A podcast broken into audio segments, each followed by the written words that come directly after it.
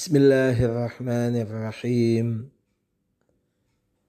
Segala puja dan puji syukur kita panjatkan kehadirat Allah Subhanahu wa taala yang telah mempertemukan kita kembali dengan bulan Sya'ban. Bulan Sya'ban adalah salah satu bulan mulia. Bulan yang Allah Subhanahu wa taala persiapkan untuk kita agar kita mampu untuk mensucikan diri kita sehingga kita mampu untuk menjadi tetamu Allah di bulan Ramadan. Menjadi tamu Allah tentu perlu kepada persiapan dan yang lebih penting dari segalanya adalah persiapan rohani kita. Persiapan spiritual kita. Karena itu sejak bulan Rajab dan bulan ini bulan Sya'ban banyak sekali anjuran dan tuntunan agar kita berusaha untuk membersihkan diri kita dari berbagai kesalahan dan dosa, dari noda-noda yang telah kita cemari jiwa dan diri kita dengannya selama beberapa bulan. Salah satu yang dianjurkan kepada kita adalah kita bermunajat kita berdialog, kita memohon kepada Allah, kita memohon kepada Allah dengan sebuah munajat yang dikenal dengan munajat Sya'baniyah.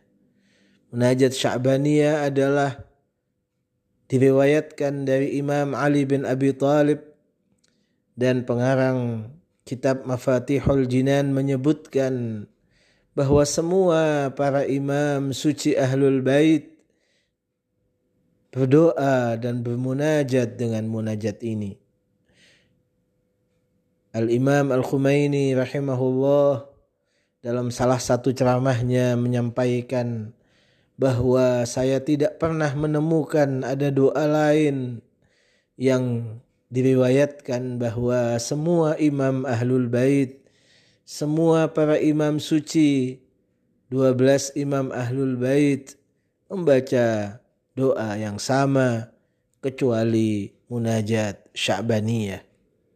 Al-Imam Ali Al-Khamenei ketika bertanya kepada Imam Khumaini tentang doa apa yang paling beliau senangi dan paling beliau sukai untuk selalu beliau baca.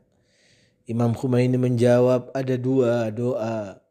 Yang pertama adalah doa Kumail dan yang kedua adalah munajat sya'baniyah.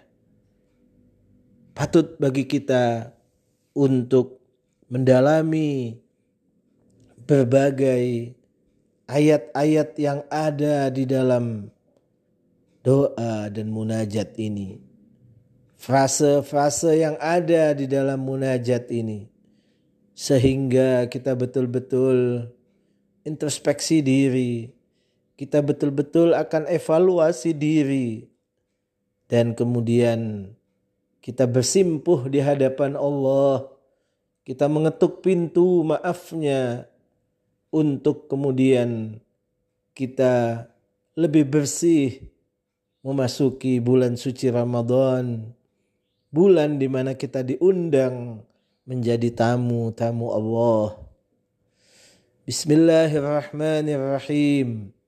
Doa ini, munajat ini diawali dengan basmalah dan salawat. Allahumma salli ala Muhammad wa ali Muhammad.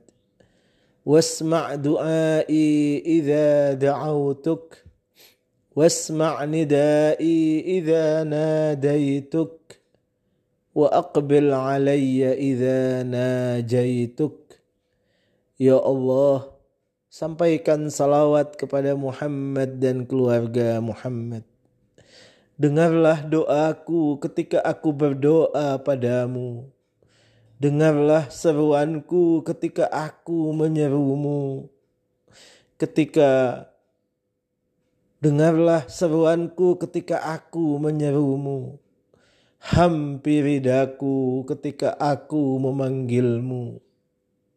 Setelah salawat kita memanjatkan tiga doa.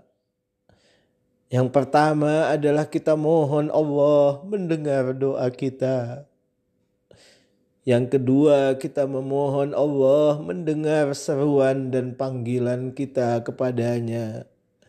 Serta yang ketiga, kita memohon Allah menghampiri kita, menghadapkan wajahnya kepada kita di saat kita memanggilnya. Siapa kita yang layak untuk didengar doa kita oleh Allah? Siapa kita yang Allah akan mendengar seruan kita?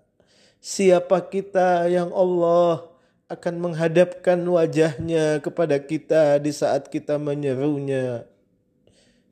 Kita semua akan melihat bahwa diri kita tidaklah pantas untuk didengar doanya kita semua akan merasa bahwa Allah tidak akan mendengar doa-doa kita karena kotornya jiwa kita.